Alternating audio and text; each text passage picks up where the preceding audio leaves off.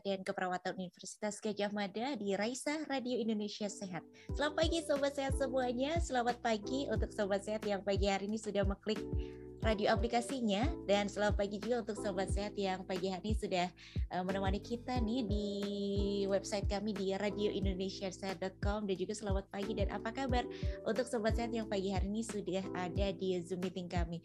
Semoga Anda pagi hari ini sudah sarapan ya sobat sehat di pagi yang cerah ini 24 Mei 2022 tentunya bagi hari ini sambil Anda sarapan karena sarapan ini penting ya sobat sehat untuk kita bisa memenuhi energi kita gitu ya untuk persiapan untuk nanti aktivitas sehari seharian nanti. Tentunya sobat sehat seperti yang kita uh, ketahui dari bincang-bincang santai edisi kemarin nih bahwasanya sarapan yang paling bagus adalah pukul 6 pagi sampai dengan pukul 9 pagi. Nah, sebelum jam 9 pagi nih sobat sehat kami Raisa Radio akan menemani Anda sebagai Anda untuk sarapan gitu ya. Dan sobat sehat pagi hari ini senang sekali saya Galuh dapat uh, berjumpa kembali ya sobat sehat dalam program Bincang-bincang Santai Radio Indonesia Sehat. Sobat sehat, pagi hari ini kita akan mengulik masalah uh, sehari-hari yang mungkin kerap kali kita jumpai.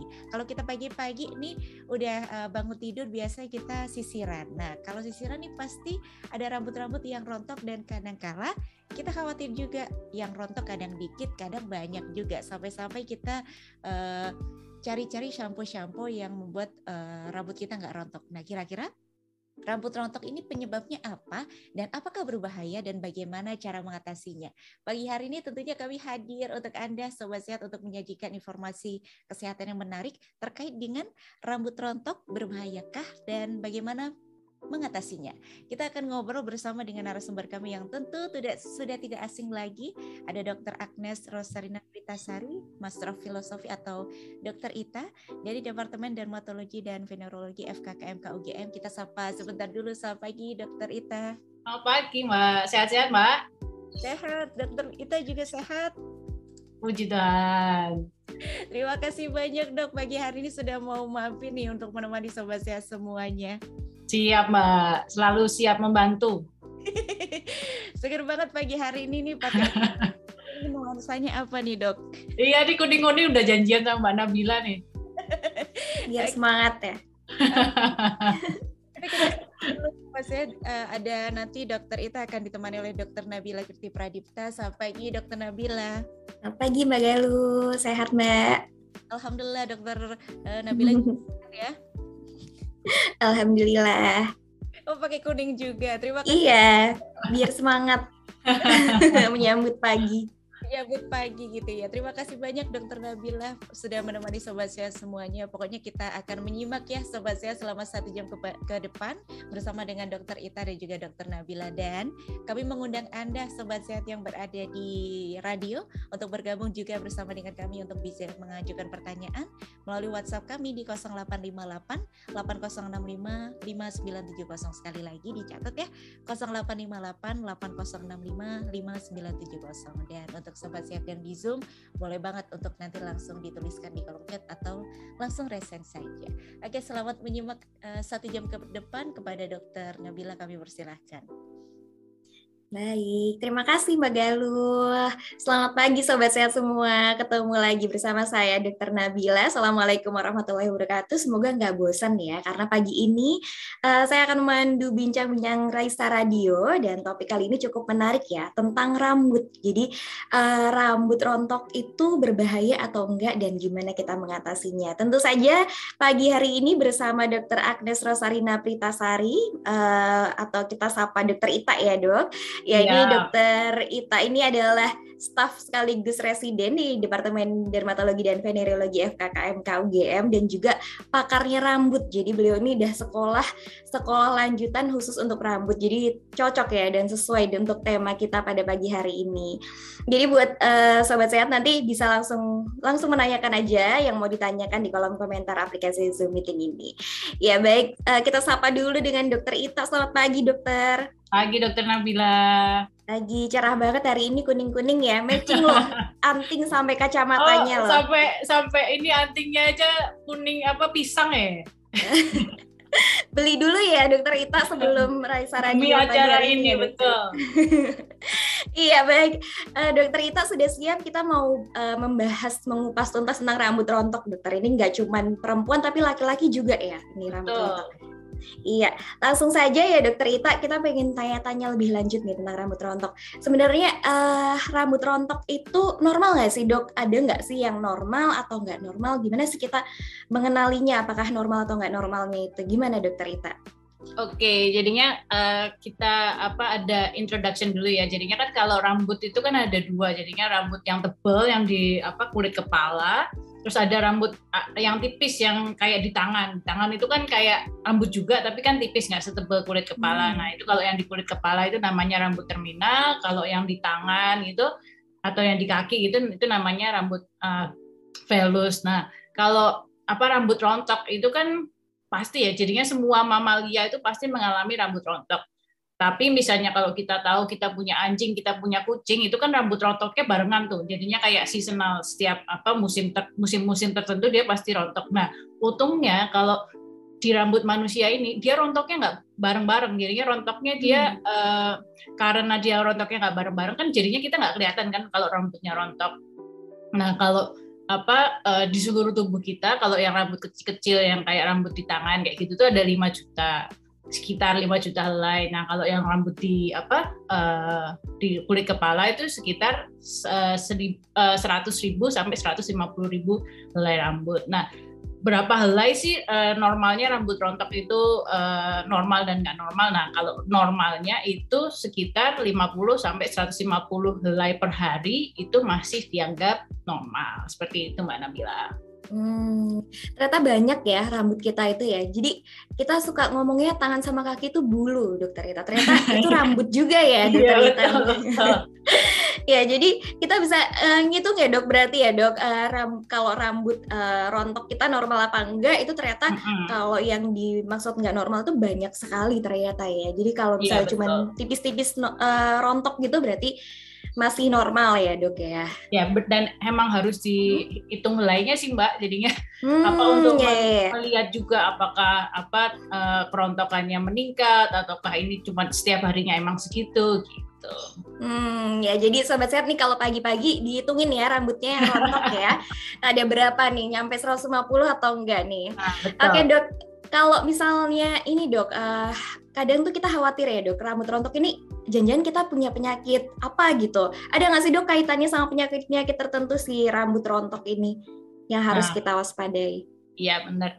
Jadinya tuh kan rambut rontok itu kan ada yang uh, acak nih random, yang diffuse gitu, yang di mana-mana ada. Ada yang cuman di uh, terlokalisasi, terlokalisata misalnya kayak cuman hmm. kayak otaknya cowok itu kan cuman di bagian depan atau di bagian yang tengah itu kan ya.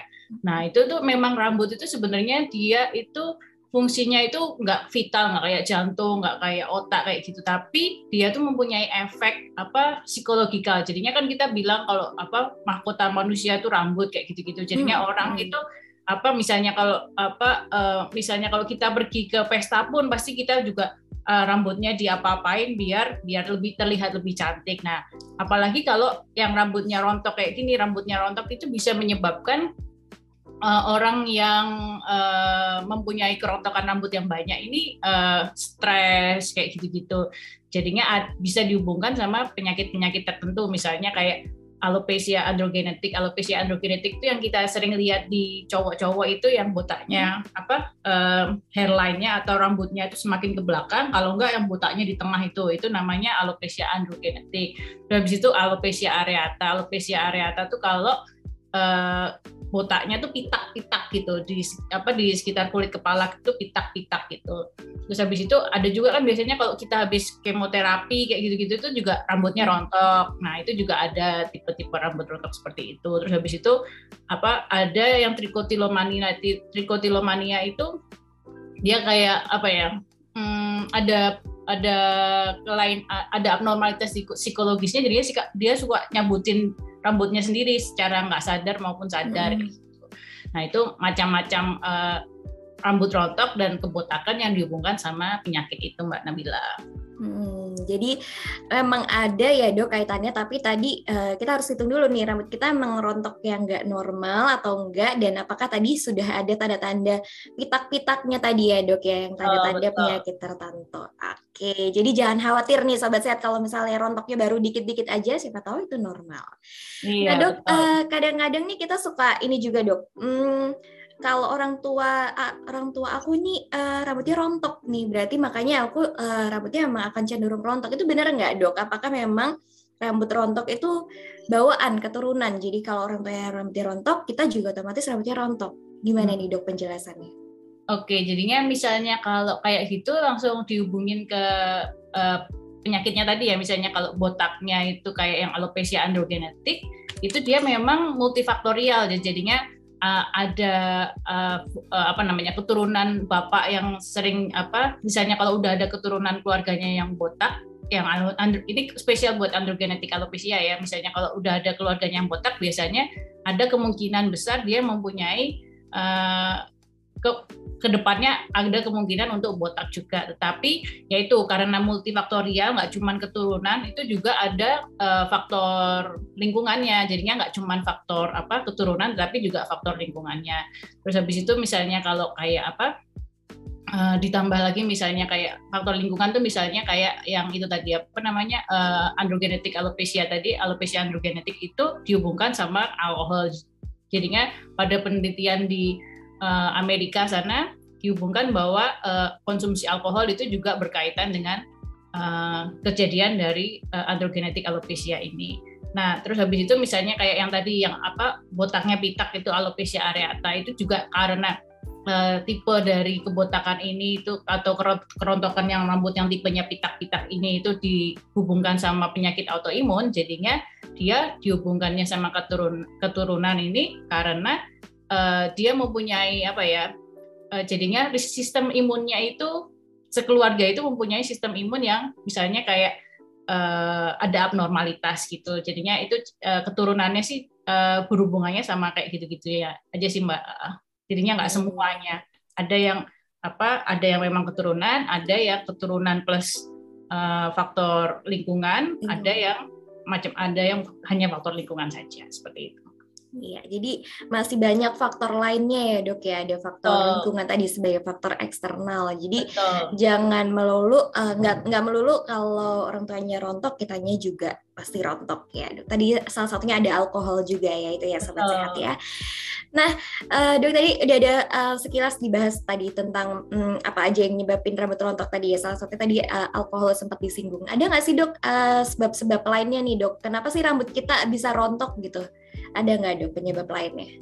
Oke, jadinya misalnya kalau rambutnya rontok itu bisa kadang-kadang dihubungkannya sama apa uh, habis pasca uh, apa namanya ya bedah yang besar jadinya kayak udah di meja bedah kan ada kan tipe bedah itu ada yang minor yang cuman di apa di kamar terus habis itu sehari pulang ada juga yang bedah besar yang berjam-jam kayak gitu-gitu. Nah itu biasanya juga kadang-kadang dikaitkan sama itu kadang-kadang dikaitkan sama kehamilan terus kadang-kadang dikaitkan sama uh, efek samping obat. Efek samping obat tadi misalnya kayak apa kemoterapi juga bisa menyebabkan perontokan rambut terus habis itu misalnya kalau kita dietnya terlalu apa namanya uh, terlalu mendadak nih. Jadinya beberapa kilogram dalam beberapa hari itu namanya crash diet. Jadinya weight loss yang apa namanya eh, tiba-tiba itu juga bisa menyebabkan kerontokan rambut. Hmm. terus kayak misalnya uh, malnutrisi. Malnutrisi misalnya anak-anak yang malnutrisi itu kita lihat rambutnya juga gampang rontok. Terus habis itu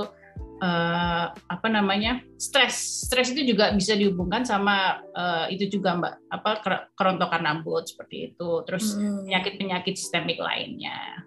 Kayak gitu. Jadi kalau kita bisa eh, kita sering stres ya dok ya. Jadi bisa memicu rontok nih ya. Nah itu dia mbak. Sebenarnya sih di buku-buku itu memang banyak yang menyebabkan stres itu bisa uh, nyebabin ya itu tadi apa kerontokan rambut. Cuman apa ada yang bilang uh, uh, apa namanya penyeb apa jalurnya itu seperti ini ada yang bilang jalurnya itu nggak nggak direct ada yang bilang jalurnya direct yang jelas menyebabkan gitu. Jadinya macam-macam cuman banyak di buku bahwa stres ini berhubungan sama uh, rontok kayak gitu lah hmm, ya, jadi udah tahu nih ya sobat sehat kalau stres rambutnya nanti makin banyak yang rontok ya. Jadi sobat sehat jangan stres ya, uh, langsung dengerin aja Raisa Radio setiap pagi biar nggak stres ya dok ya.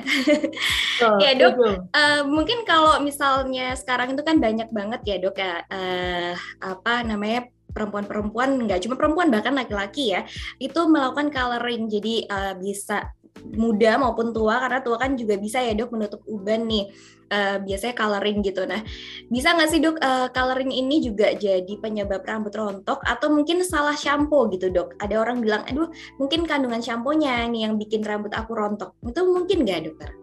Oke, jadinya kalau persoalan coloring dan sampo itu biasanya hubungannya sama uh, itu. Jadinya batang rambutnya yang patah. Jadinya bukan rontok, tetapi batang rambutnya yang patah, Mbak. Jadinya apa? Hmm. Uh, ya karena dia biasanya dia apa mechanical uh, kan dia itu termasuk apa ya uh, kerusakan mekanik dan kerusakan chemical ya. Jadinya itu yang bis, bisa menyebabkan uh, bukan bukan uh, rambut yang rontok tapi biasanya rambutnya itu patah di uh, di batang rambutnya. Nah, memang apa uh, uh, apa ya nggak ada hubungannya sama misalnya kayak terus habis itu uh, pertumbuhan rambutnya jadi pelan atau seperti itu terus habis itu apa namanya uh, biasanya kan kita tahu sendiri kalau kalau saat kita coloring atau saat kita ke apa ada treatment di di salon itu kan biasanya sering kan apa disisirin sering terus di mm -hmm. apa di apa ya dioles-olesin kan juga rubbing itu itu kan juga termasuk mechanical apa uh, trauma ya terhadap uh, rambut kita. Nah itu juga uh, apa namanya bisa menyebabkan ya itu tadi apa rambutnya itu patah di di tengah-tengah kayak gitu. Terus tapi untungnya yaitu karena uh, uh, bagian akar rambutnya itu tidak terkena jadinya ya begitu rambutnya patah terus yang rambut barunya lagi itu keluar ya berarti itu udah rambutnya uh, sehat lagi kalau yang rambut yang tumbuh itu. Tapi ya itu karena misalnya kalau perlu perlu memang diperlukan beberapa sesi dari hair hair coloring seperti itu ya memang karena banyak disisiri banyak dioles-olesi macam-macam itu dia apa memang uh, meningkatkan uh, kerontokan rambut. Dan lagi pula uh, beberapa uh, komponen dari hair product ini jadinya ada yang dari bleaching agent ada yang dari relaxer ada yang dari shampoo conditioner ada hair dye-nya juga. Ini juga hubungannya sama uh, dermatitis juga mbak. Jadinya dia, bisa ada ada konten alergennya yang bisa nyebabin alergi seperti itu mbak. Oke, jadi uh, tadi uh, disinggung terlalu kalau kita terlalu sering nyisir rambut juga bisa bikin rambut kita patah tadi ya dok ya?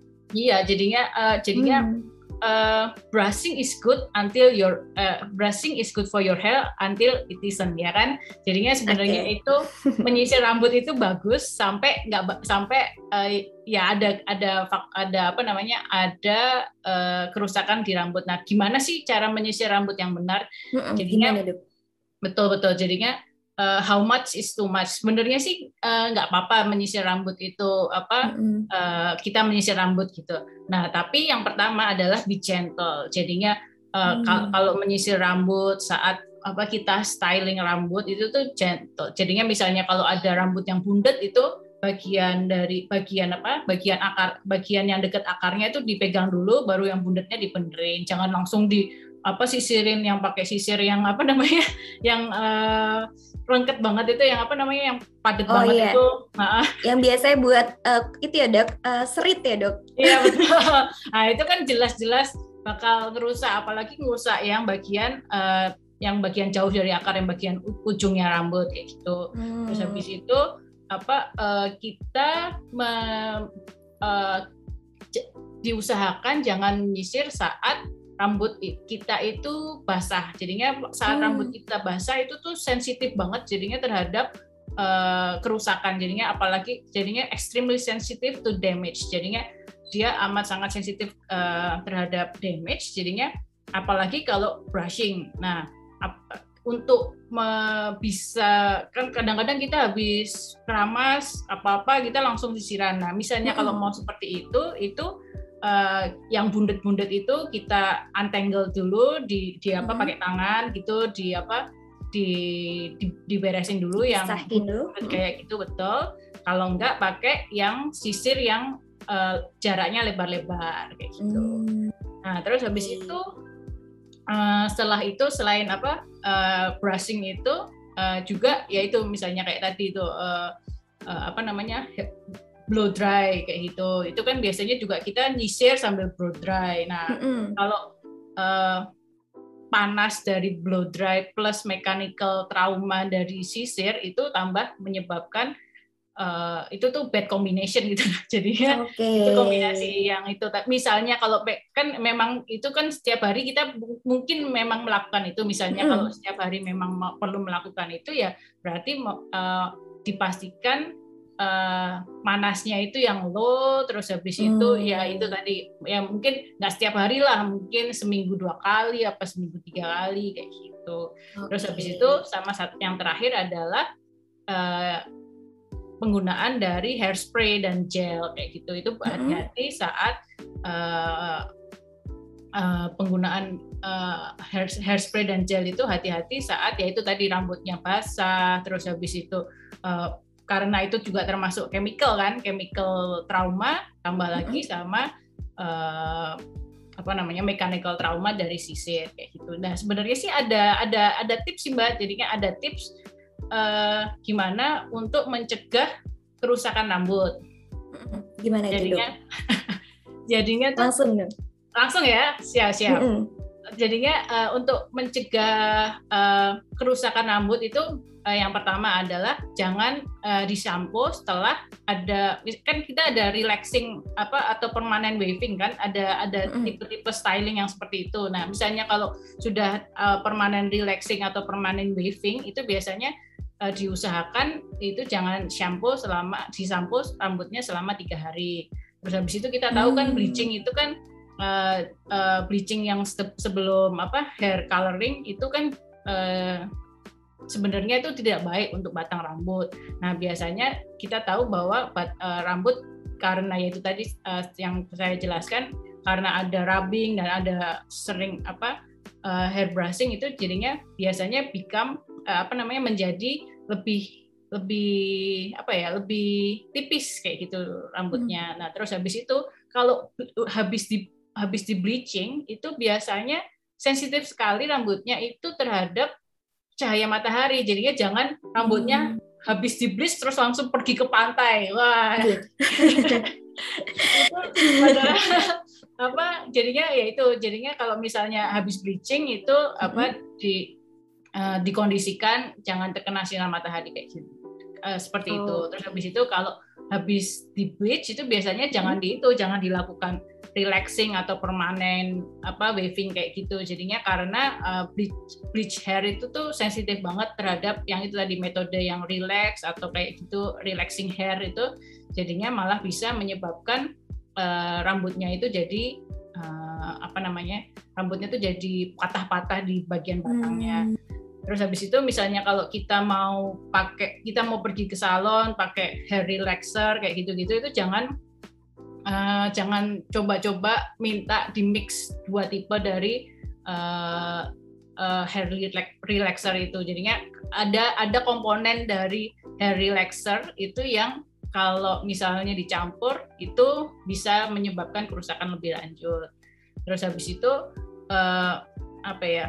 Uh, jangan lupa uh, misalnya kalau kita melakukan ya itu tadi uh, uh, tindakan chemical pada uh, rambut kita itu ya uh, di itu apa namanya di dilakukan ya kayak hair mask, kayak conditioner seperti itu. Nah, terus habis itu misalnya kalau kita mau coloring rambut nih, itu biasanya uh, disarankan ya hair dye apa uh, colornya itu within your natural color atau darker jadinya entah itu putih atau yang uh, within apa warna natural dari rambut uh, pendengar apa pemirsa kayak gitu untuk meminimalisir kerusakan dari rambut. Terus habis itu yang kayak tadi jadinya ada komponen dari hair dye itu yang bisa nyebabin alergi. Jadinya kadang-kadang uh, datang-datang langsung ada dermatit uh, ada kulit kemerahan di sekitar apa muka, leher kayak gitu. Hmm. Terus habis itu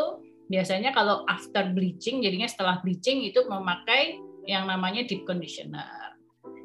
Oke, banyak sekali nih tipsnya dari Dokter Ita. Ini uh, sesuai banget nih sama sobat sehat nih. Mungkin yang suka coloring gitu ya, ini udah ada tipsnya lengkap banget. Dan tadi juga udah disebutin juga ya dok, kalau misalnya pun kita sisiran, memilih jenis sisir itu juga penting ya dok ya.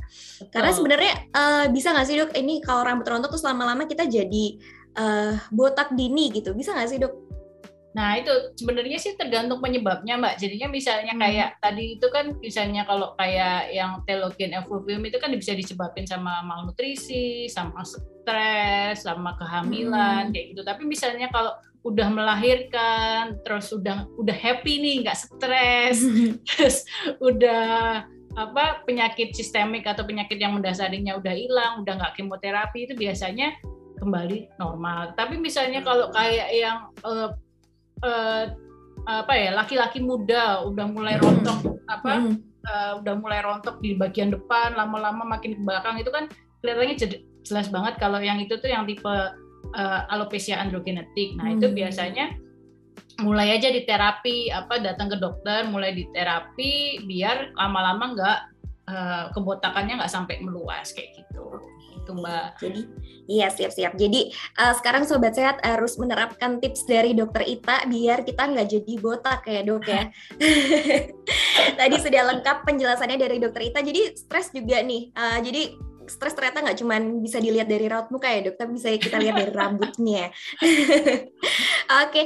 uh, ini dokter Ita, mumpung masih uh, satu uh, topik nih kita tentang membahas tentang penyebab-penyebabnya. Ini ada pertanyaan dari sobat sehat dari Dila Hebria, Hebrina.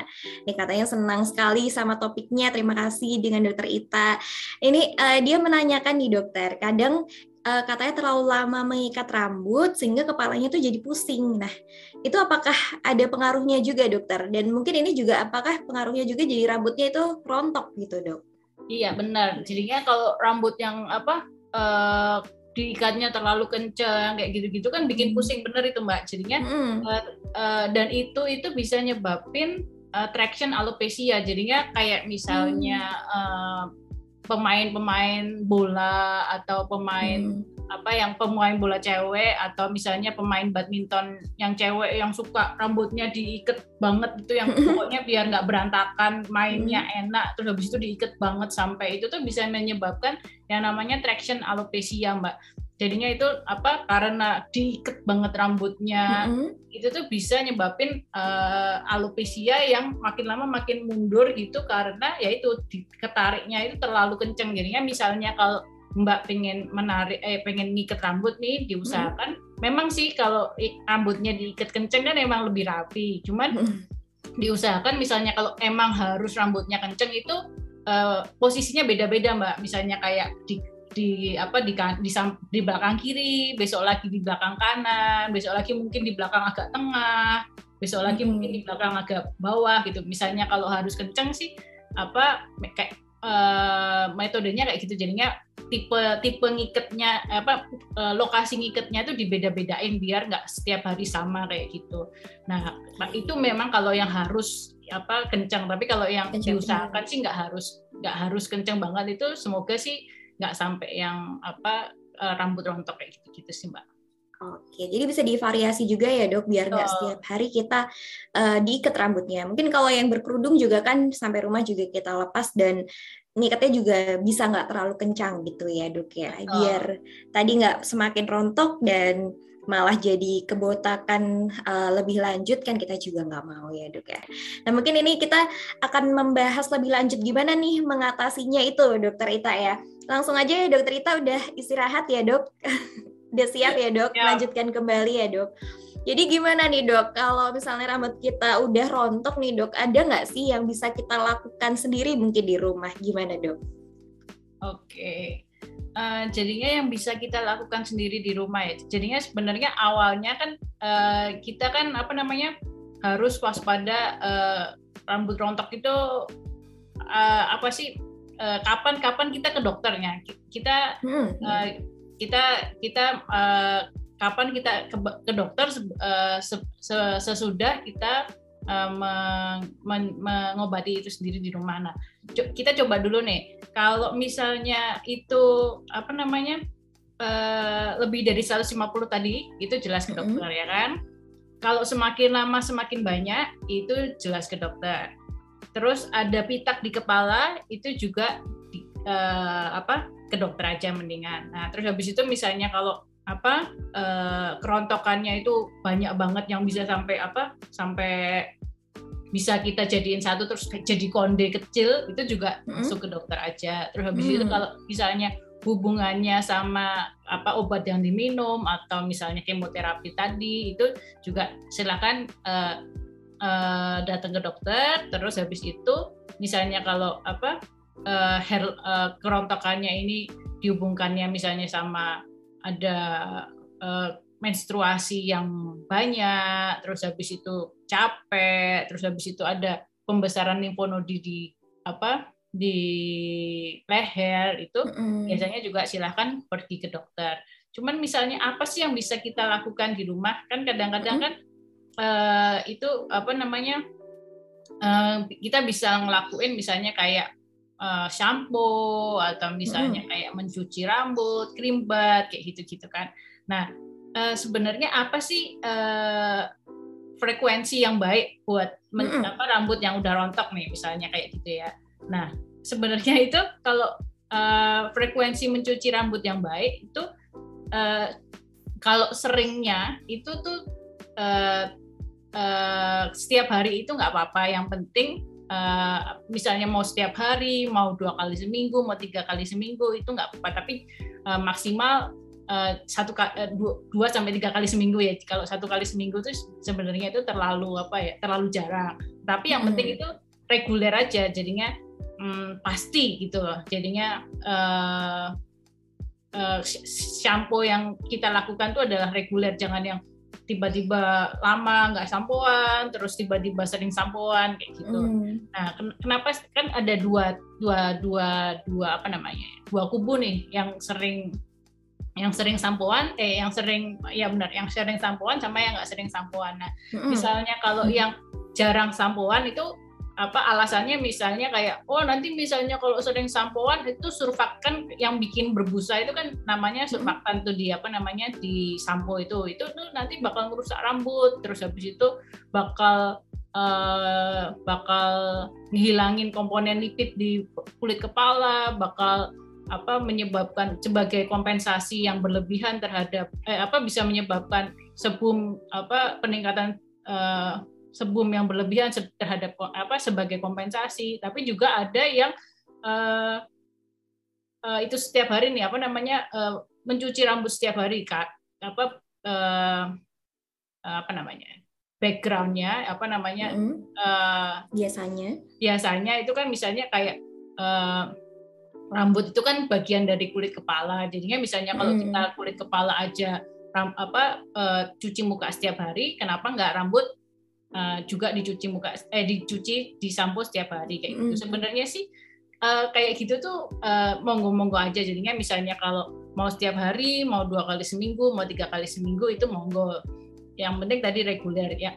Intinya sih kan ada ada kita tuh sampo itu kan ada uh, tujuannya ada menghilangkan uh, apa ya menghilangkan kotoran di rambut. Jadinya kotoran hmm. di rambut itu baik yang endogen maupun yang eksogen. Jadinya endogen yang kita apa di, dari kita sendiri misalnya kayak ekskresi sebum, terus kulit kita yang mengelupas atau dari eksogen atau dari lingkungan itu misalnya kayak produk dari hair treatment, terus polusi, hairspray tadi, terus habis itu kayak apa namanya hmm, pollen yang apa misalnya kayak debu-debu uh, apa namanya ya kayak dari apa debu-debu yang gede-gede terus habis itu bahkan uh, apa namanya uh, merokok itu kan juga uh, bisa di rambut terus jadi bau rokok kayak gitu-gitu kan juga hmm. apa itu juga tujuannya mencuci rambut itu biar bau itu juga uh, hilang gitu jadinya yeah. sebenarnya kalau frekuensi mencuci rambutnya kayak gitu-gitunya sih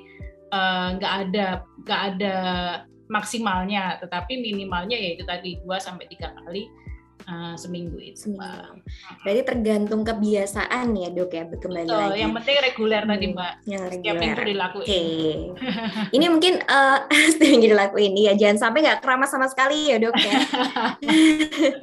nah ini mungkin uh, sekaligus uh, menjawab pertanyaan dari Uh, Saraswati Anindita ini dokter. Mungkin saya bacakan juga ya pertanyaannya dok ya. Katanya uh, ini mau bertanya kalau orang dengan tipe rambut yang gampang lepek itu biasanya kan cenderung keramas setiap hari ya. Kembali lagi nih berarti kebiasaannya keramasnya setiap hari.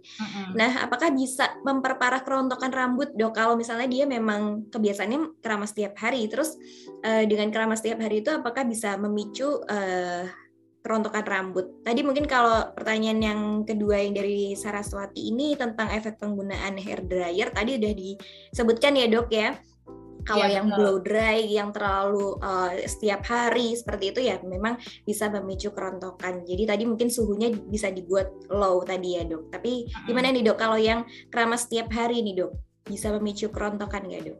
Uh -uh. Jadinya kalau keramas setiap hari itu uh, ya kayak tadi saya apa uh, jelaskan ya. Jadinya kalau seringnya itu tidak ada batasan mau setiap hari monggo.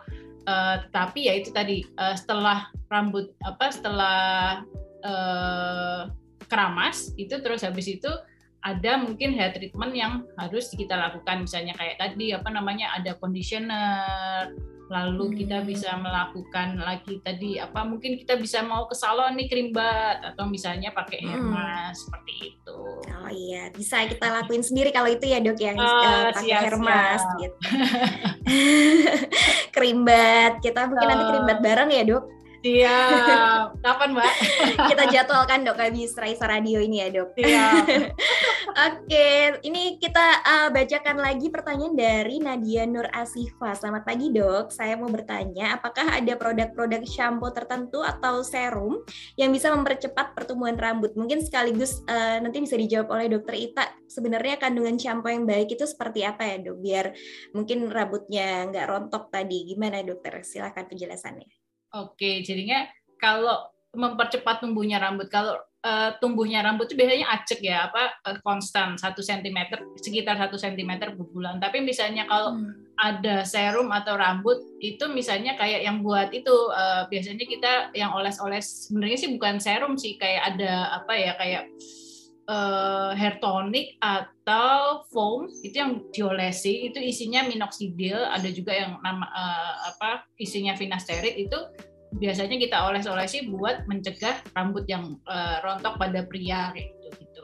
Tapi misalnya kalau buat misalnya rambut rontok yang biasa aja itu biasanya jenis kandungan uh, sampo yang baik itu biasanya ada histidin. Histidin itu jadinya dia itu mem, mem, mem, kayak kayak sunscreen gitu kayak sunscreen hmm. jadinya dia uh, me, melindungi rambut terhadap kerusakan yang disebabkan uh, oleh UVA dan UVB. Terus habis itu ada niacin, niacin atau vitamin B3 itu juga uh, dia apa uh, biar uh, batang rambutnya itu uh, bagus. Terus habis itu ada biotin, hmm. ada kandungan biar apa ada sampo yang mengandung biotin itu itu biasanya uh, bagus untuk rambut itu uh, bi dia bisa me me mengurangi uh, rambut yang patah. Jadinya kalau rambut yang patah itu biasanya ada apa uh, uh, apa ya porus-porus kecil di, di rambut gitu mbak. Jadinya itu bisa mengurangi porus-porusnya itu. Terus habis itu ya itu tadi yang saya sebutkan kadang-kadang ada sampo yang mengandung minoxidil. Minoxidil itu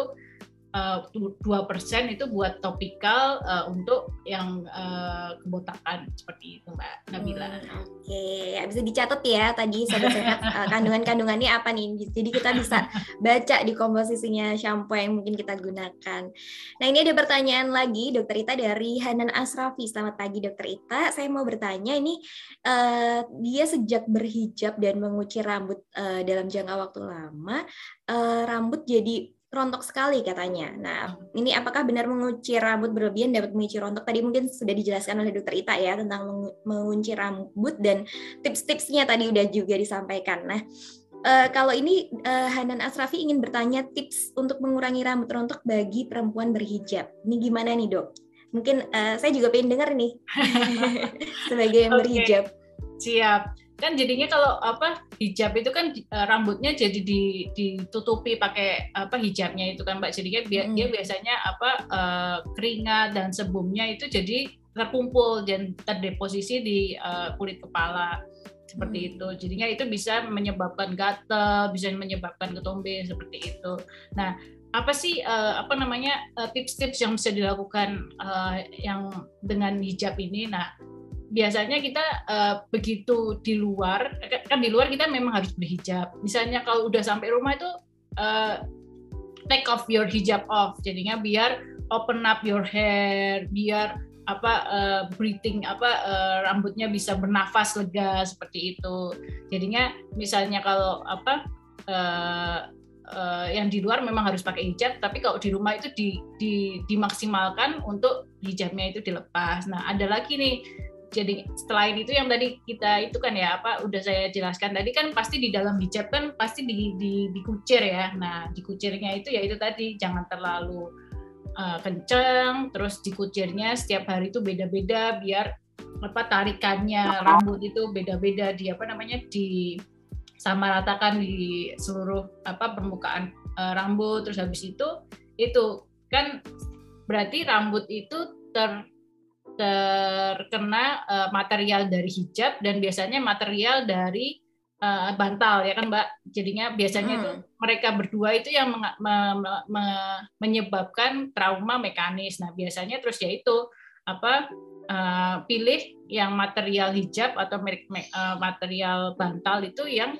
friksinya yang menyebabkan friksinya itu yang minimal kayak gitu. Terus habis itu uh, uh, ya tadi itu biar biar apa namanya uh, stylenya yang di bawah di di uh, di bawahnya hijab itu yaitu yang aneh-aneh aja yang maksudnya jangan yang setiap hari sama dikuncir ketat kayak gitu-gitu hmm. ya itu hmm. aja sih mbak tips-tipsnya jadinya biar apa di rumah biar uh, uh, rambutnya bernafas itu uh, dimaksimalkan untuk hijabnya dilepas lalu untuk misalnya apa uh, di dalam rambut eh di dalam hijabnya itu juga rambutnya di jangan dikucir yang apa dikenceng-kenceng terus tempatnya beda-beda kayak gitu. Terus habis itu sama friksi apa bahannya bahan hijabnya sama bahan uh, bantalnya itu dipilih yang apa uh, apa ya uh, uh, ada yang uh, untuk menyu, mengurangi friksi itu apanya yang tinggi hmm. gitu loh mbak apa ya? Uh, saya lupa. Ada sheetnya apa apanya yang tinggi gitu mm -hmm. jadinya untuk mengurangi friksinya terhadap bantal kayak gitu Oh iya, yeah. oke okay, hmm. oke okay. siap dokter. Nanti dipraktekkan ya mungkin untuk Hanan Asrafi nanti bisa dipraktekkan sendiri tips-tipsnya dari dokter Ita. Ya mungkin menjawab pertanyaan selanjutnya dokter ini dari Marika.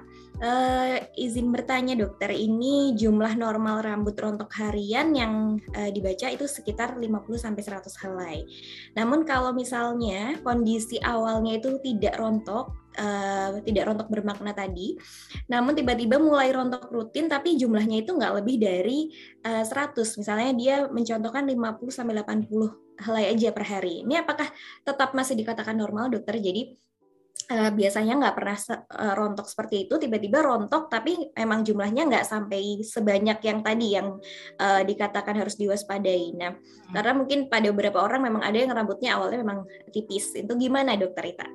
Oke, jadinya kalau misalnya uh, seperti ini, itu nam, uh, ada yang kita namakan watchful waiting, mbak. Jadinya kita hmm. menunggu, tetapi kita juga apa ada, oh ada lumayan nih yang rambutnya apa yang rambutnya bertambah banyak jadinya kita yang dinamakan watchful waiting itu biasanya itu misalnya kalau sudah satu saat itu 50 sampai uh, 80 helai per hari ya nggak cuma hari itu tapi apakah itu itu setiap hari apakah itu, itu pada hari-hari tertentu misalnya kayak uh, lagi mau ujian lagi mm. mau apa mm. misalnya apa uh, hubungannya sama capek juga mungkin terus habis itu juga apa uh, dihubungkannya juga sama uh, pregnancy juga bisa kayak gitu. Jadinya apa uh, sakit sistemik juga bisa. Kan ada juga yang itu mbak apa kemarin-kemarin pas covid itu itu kan mm-hmm. sering ada yang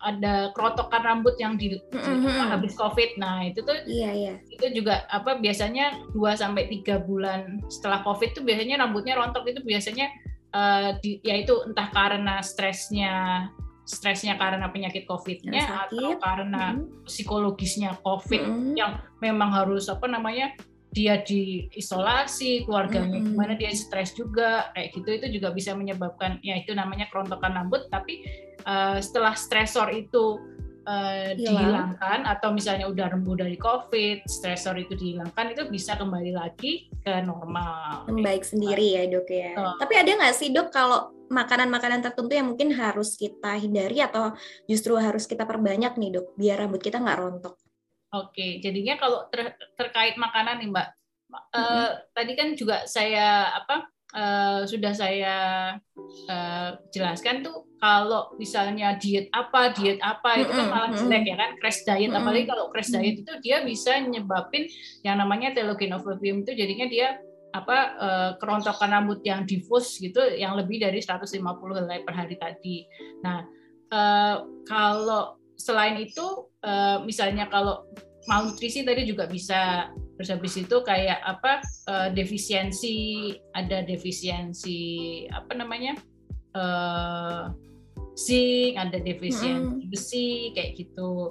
Nah terus habis itu, itu kalau uh, tapi kalau yang diperbanyak nah biasanya kalau makanan yang diperbanyak ini uh, karena rambut itu protein mbak itu hmm. biasanya berbanyak protein. Jadinya kita kalau apa uh, uh, apa namanya? Kalau rontok itu malah jangan terus diet apa nggak boleh ini apa nggak boleh ini apa, tapi malah apa uh, ya itu tadi kalau tadi malah diet diet itu kayak gitu malah bisa menyebabkan malnutrisi yang bisa nyebabin rambutnya lebih rontok. Tapi misalnya kalau rambutnya rontok itu uh, ya apalagi kalau disertai penyakit itu biasanya uh, ya itu malah uh, memperbanyak intake protein hmm. terus habis itu apa namanya karena ya itu tadi apa namanya uh, uh, bagian dari uh, rambut itu kan banyaknya uh, dengan protein apa uh, apa namanya ya penyusunnya itu adalah protein hmm. gitu terus okay. ya itu apa intinya sih protein itu sih mbak intiknya terus misalnya kayak okay. uh,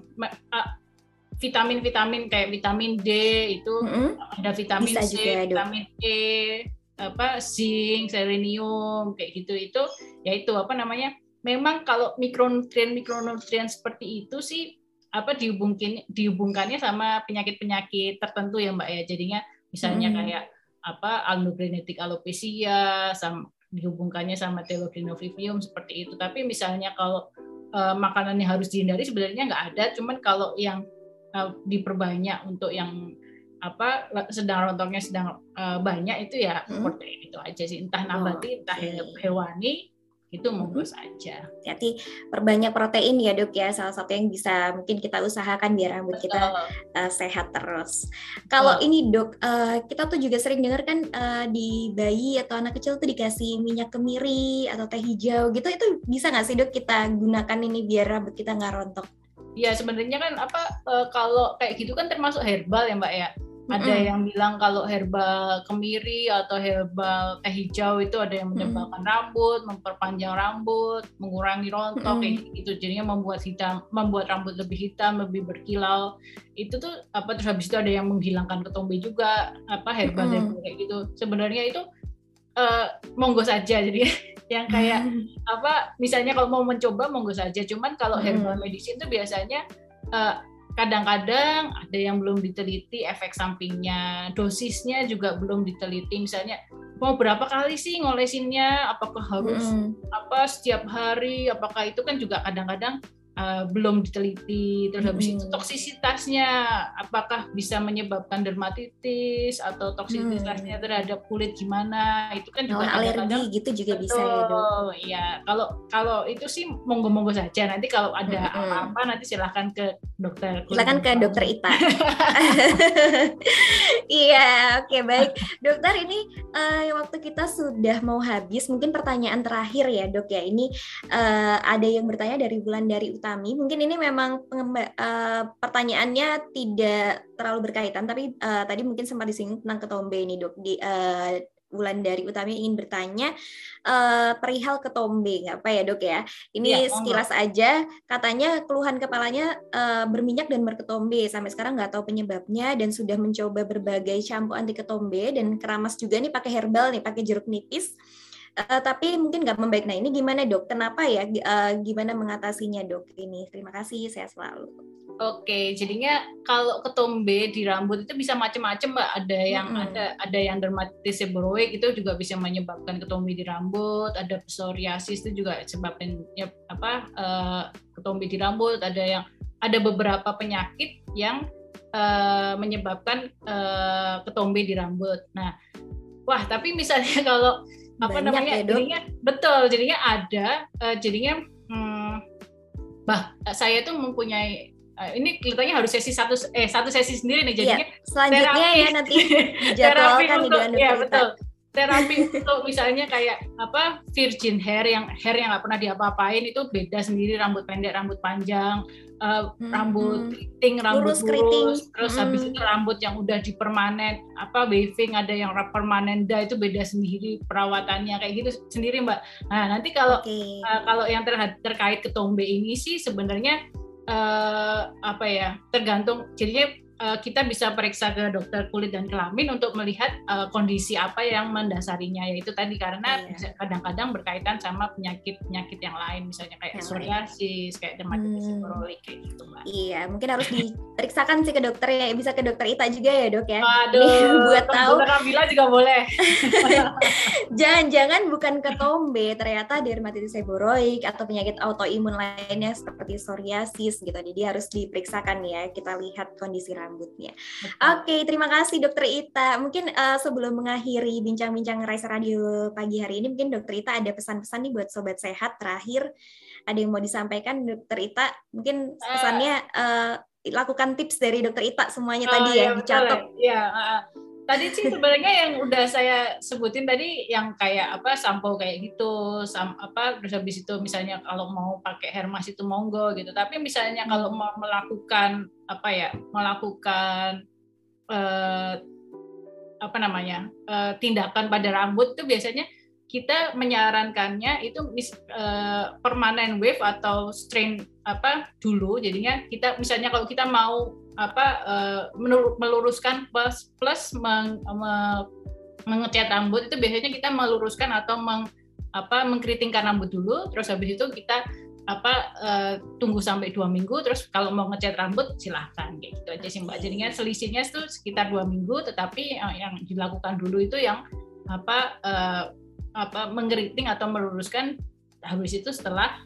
habis setelah itu dua minggu baru misalnya kalau mau ngecat rambut boleh Oke, jadi pokoknya kita harus rawat baik-baik rambut kita, oh. jangan terlalu berlebihan juga. Harus menyayangi rambut kita ya, Dokter Ita ya, oh. biar nggak mengalami kebotakan tadi. Baik, oh. terima kasih Dokter Ita, seru sekali hari ini. Tadi sudah ada topik-topik selanjutnya juga mungkin uh, Raisa Radio mau menjadwalkan Dokter Ita nih di selanjutnya podcast selanjutnya mungkin ya. Yeah.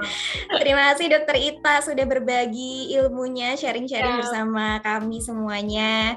Semoga sehat selalu dan sukses selalu selalu ya Dokter Ita untuk studinya. Amin. Sampai ketemu Terima lagi ya Dokter Ita. Oke. Okay. Ya. Terima kasih Sobat Sehat. Sebelum saya akhiri, saya mohon maaf sebelumnya apabila terdapat kekurangan selama memandu bincang-bincang Raisa Radio, Raisa Radio pada pagi hari ini. Semoga Sobat Sehat bisa mengambil manfaatnya dari bincang-bincang hari ini dan mungkin mengaplikasikan tips-tips tadi dari Dokter Ita. Baik, terima kasih. Saya mohon pamit. Uh, saya kembalikan ke Mbak Galuh. Silakan Mbak Galuh. Terima kasih banyak Dokter Ita dan juga Dokter Nabila telah membagikan ilmunya pada pagi hari ini sehingga bermanfaat untuk kita semua ya Sobat Sehat. Terima kasih sehat selalu Dokter Ita dan juga Dokter Nabila. Selamat melanjutkan aktivitas. Terima kasih Mbak Galuh dan tim. Saya demikian bincang-bincang santai edisi hari ini. Seru banget ya rasanya pengen gitu ya. Masih pengen ngobrol-ngobrol lagi tapi karena keterbatasan waktu mohon maaf. Dan juga mohon maaf nih untuk sobat sehat yang sudah mengajukan pertanyaan dan belum sempat terjawab. Mohon maaf sekali. Dan sobat sehat ternyata kita merawat rambut kita ini tidak usah terlalu apa mikir yang aduh ribet merawat rambut ribet dan mahal. Ternyata dengan kita mengatur uh, kebiasaan kita dengan cara-cara sederhana misalkan dengan keramas tadi diatur keramasnya berapa kali lalu bahkan tadi tips dari dokter Ita ya cara menyisir juga memilih sisir yang pas untuk rambut kita itu seperti apa juga itu bisa kita lakukan. Jadi bisa kita mulai dari cara yang sederhana.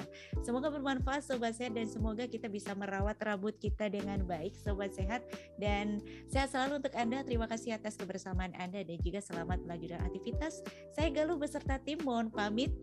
Dan untuk Anda Sobat Sehat yang ketinggalan, Anda tetap bisa mendengarkan obrolan seru di pagi hari ini melalui podcast kami di Spotify di Raisa Radio Indonesia Sehat. Terima kasih, saya Galuh beserta tim. Mohon pamit, mohon maaf apabila ada kesalahan pada saat acara berlangsung. Terima kasih banyak. Selamat beraktivitas dan sampai jumpa. Wassalamualaikum warahmatullahi wabarakatuh.